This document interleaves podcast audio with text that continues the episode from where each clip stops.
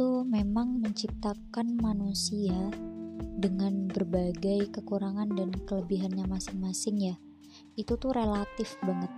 Gak ada satupun manusia di dunia ini yang sempurna.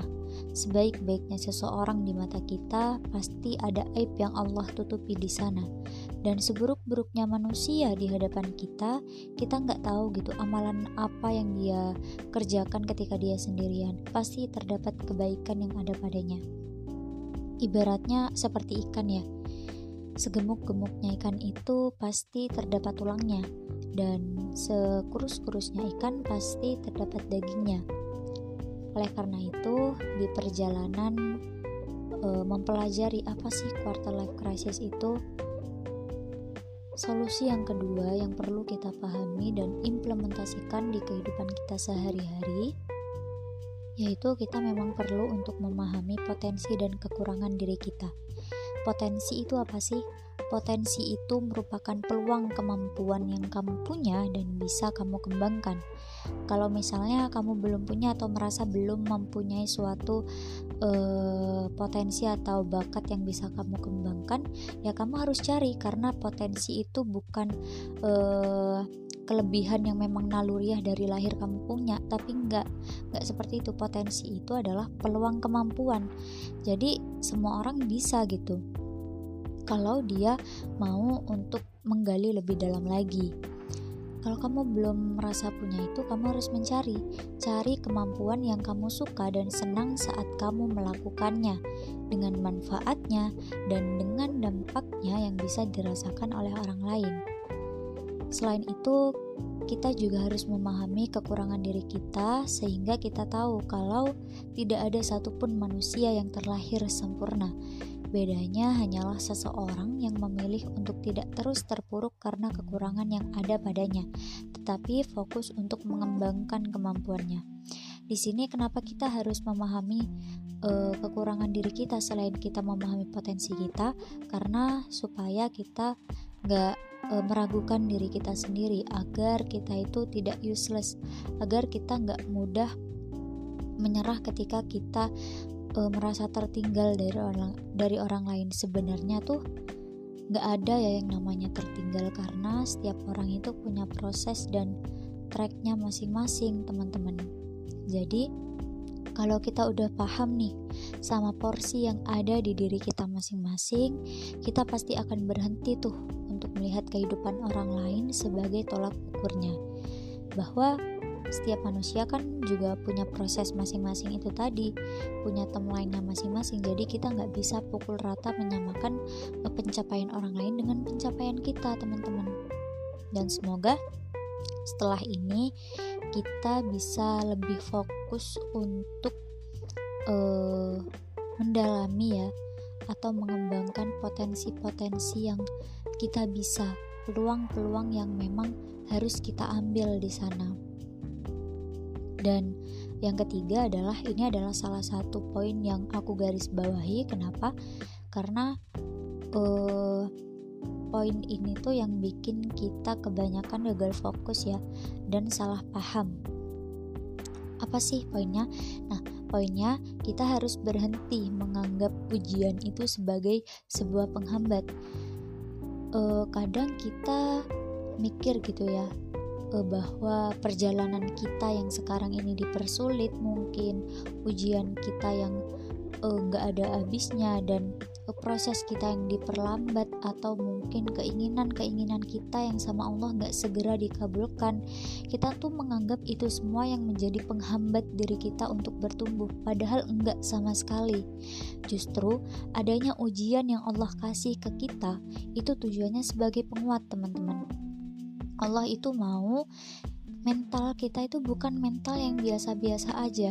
Gimana Allah eh, gimana kita mau jadi seseorang yang terbaik versi diri kita kalau misalkan dengan ujian yang Allah yang Allah kasih aja kita suka ngeluh. Apalagi eh, sampai eh, menganggap bahwa ini adalah suatu penghambat. Naudzubillah ya seharusnya kita tuh bersyukur gitu sama Allah karena dengan ada adanya ujian ini kita menjadi manusia yang kuat, menjadi pribadi yang lebih sabar, pribadi yang bersyukur, dan juga uh, mengembangkan skill problem solvingnya kita gitu. Ujian yang Allah kasih sekarang itu juga bisa kita lewatin juga kan buktinya kan juga kita ada di sampai di titik ini gitu. Kadang kadang tuh kita minta ya ke Allah untuk dikasih sabar ya maka Allah kasih lewat rasa marah. Kadang kita juga minta untuk diberikan hati yang lapang dan ikhlas. Ya maka Allah kabulkan itu lewat lewat rasa kehilangan. Kenapa gitu? Ya karena kita itu nggak akan belajar sabar kalau nggak Allah hadirkan rasa marah. Kita nggak akan sabar kalau nggak Allah memunculkan hal-hal yang membuat kita marah dan Allah juga nggak akan uh, menjadikan kita pribadi yang ikhlas kalau Allah nggak kasih rasa kehilangan gitu.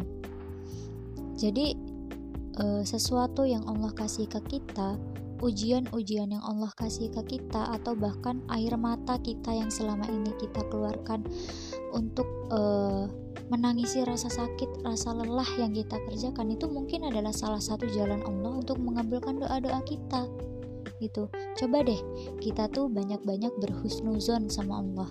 Memandang hikmah dan pelajaran di balik semua kesulitan yang kita rasakan sekarang.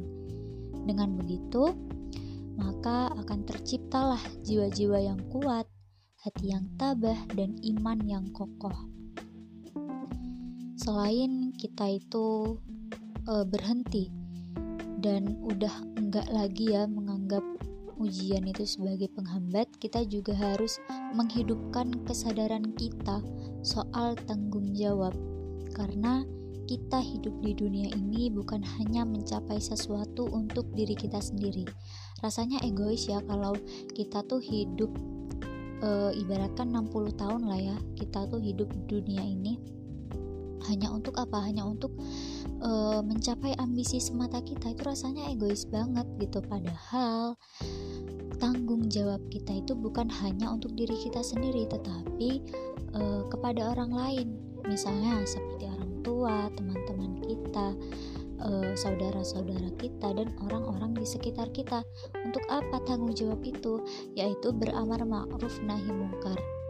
Bahkan perintah ini nih Allah sendiri loh yang berfirman dalam Quran surat Ali Imran ayat 104 yang isinya adalah uh, dan hendaklah di antara kamu ada segolongan umat yang menyeru kepada kebaikan dan mencegah dari keburukan.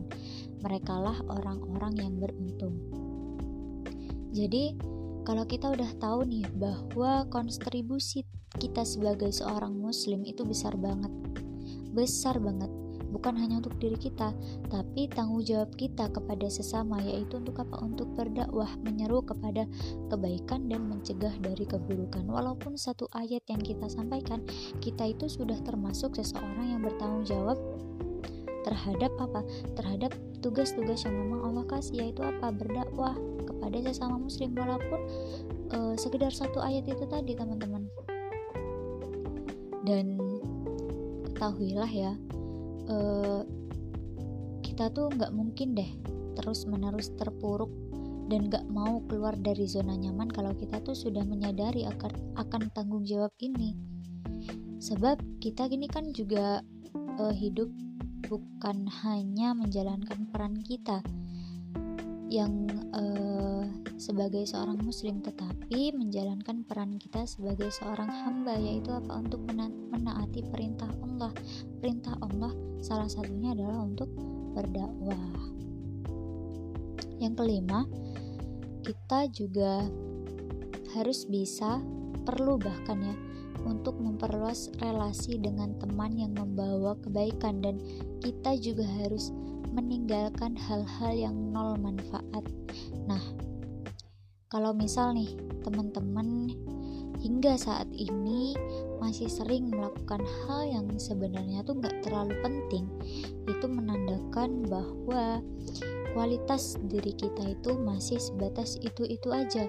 Karena di dalam uh, hadis riwayat Tirmizi yang saya tahu uh, isinya gini bahwa di antara tanda kebaikan Islam seseorang adalah meninggalkan hal-hal yang bermanfaat baginya.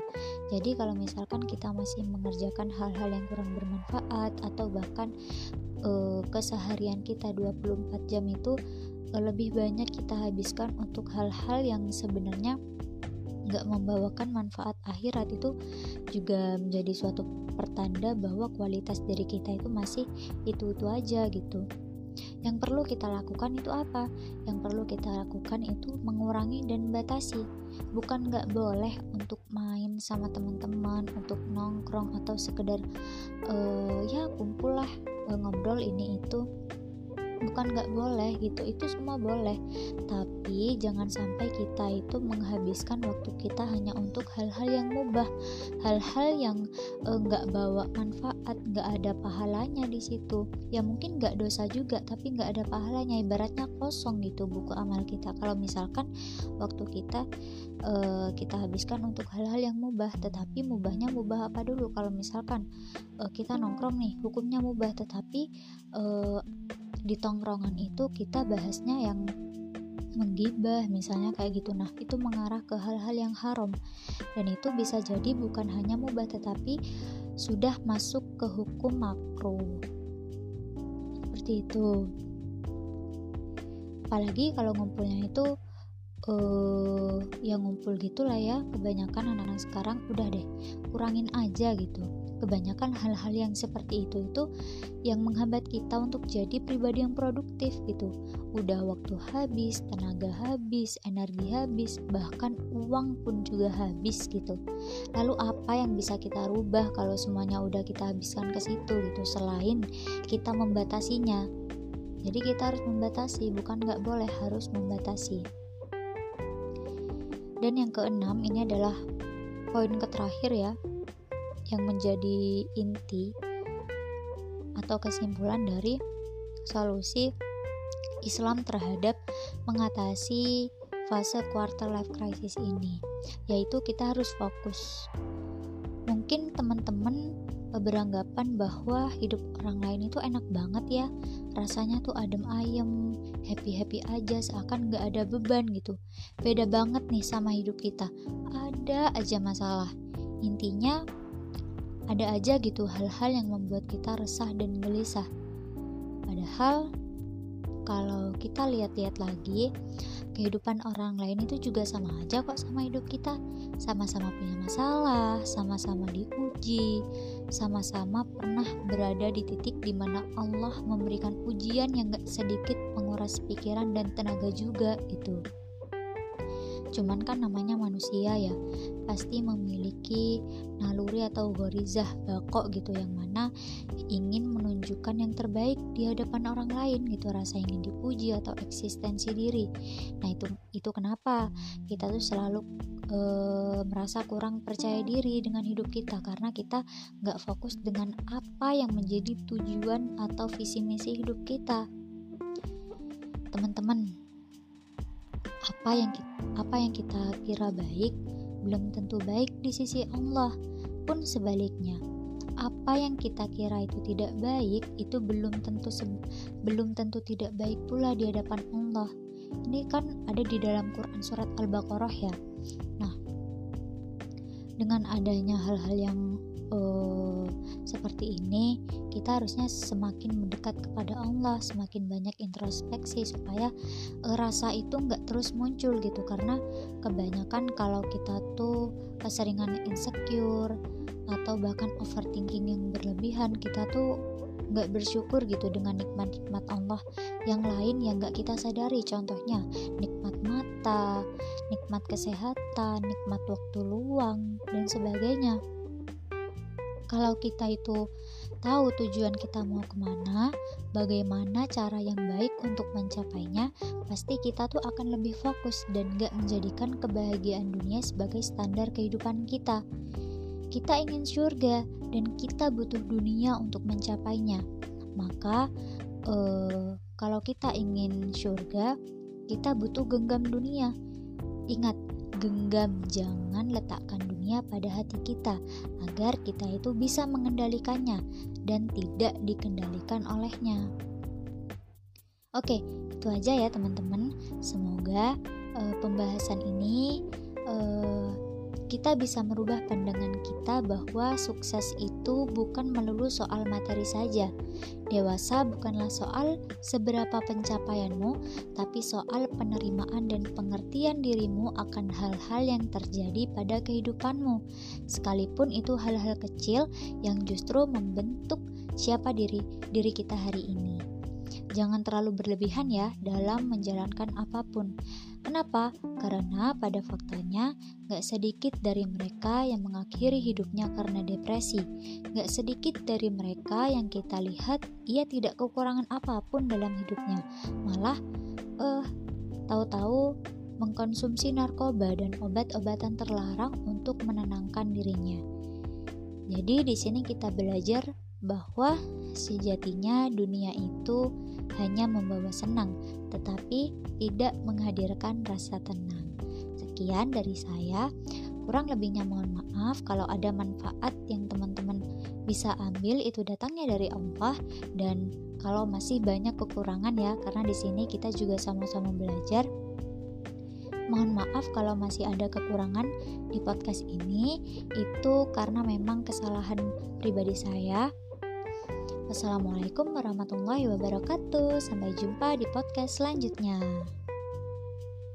thank you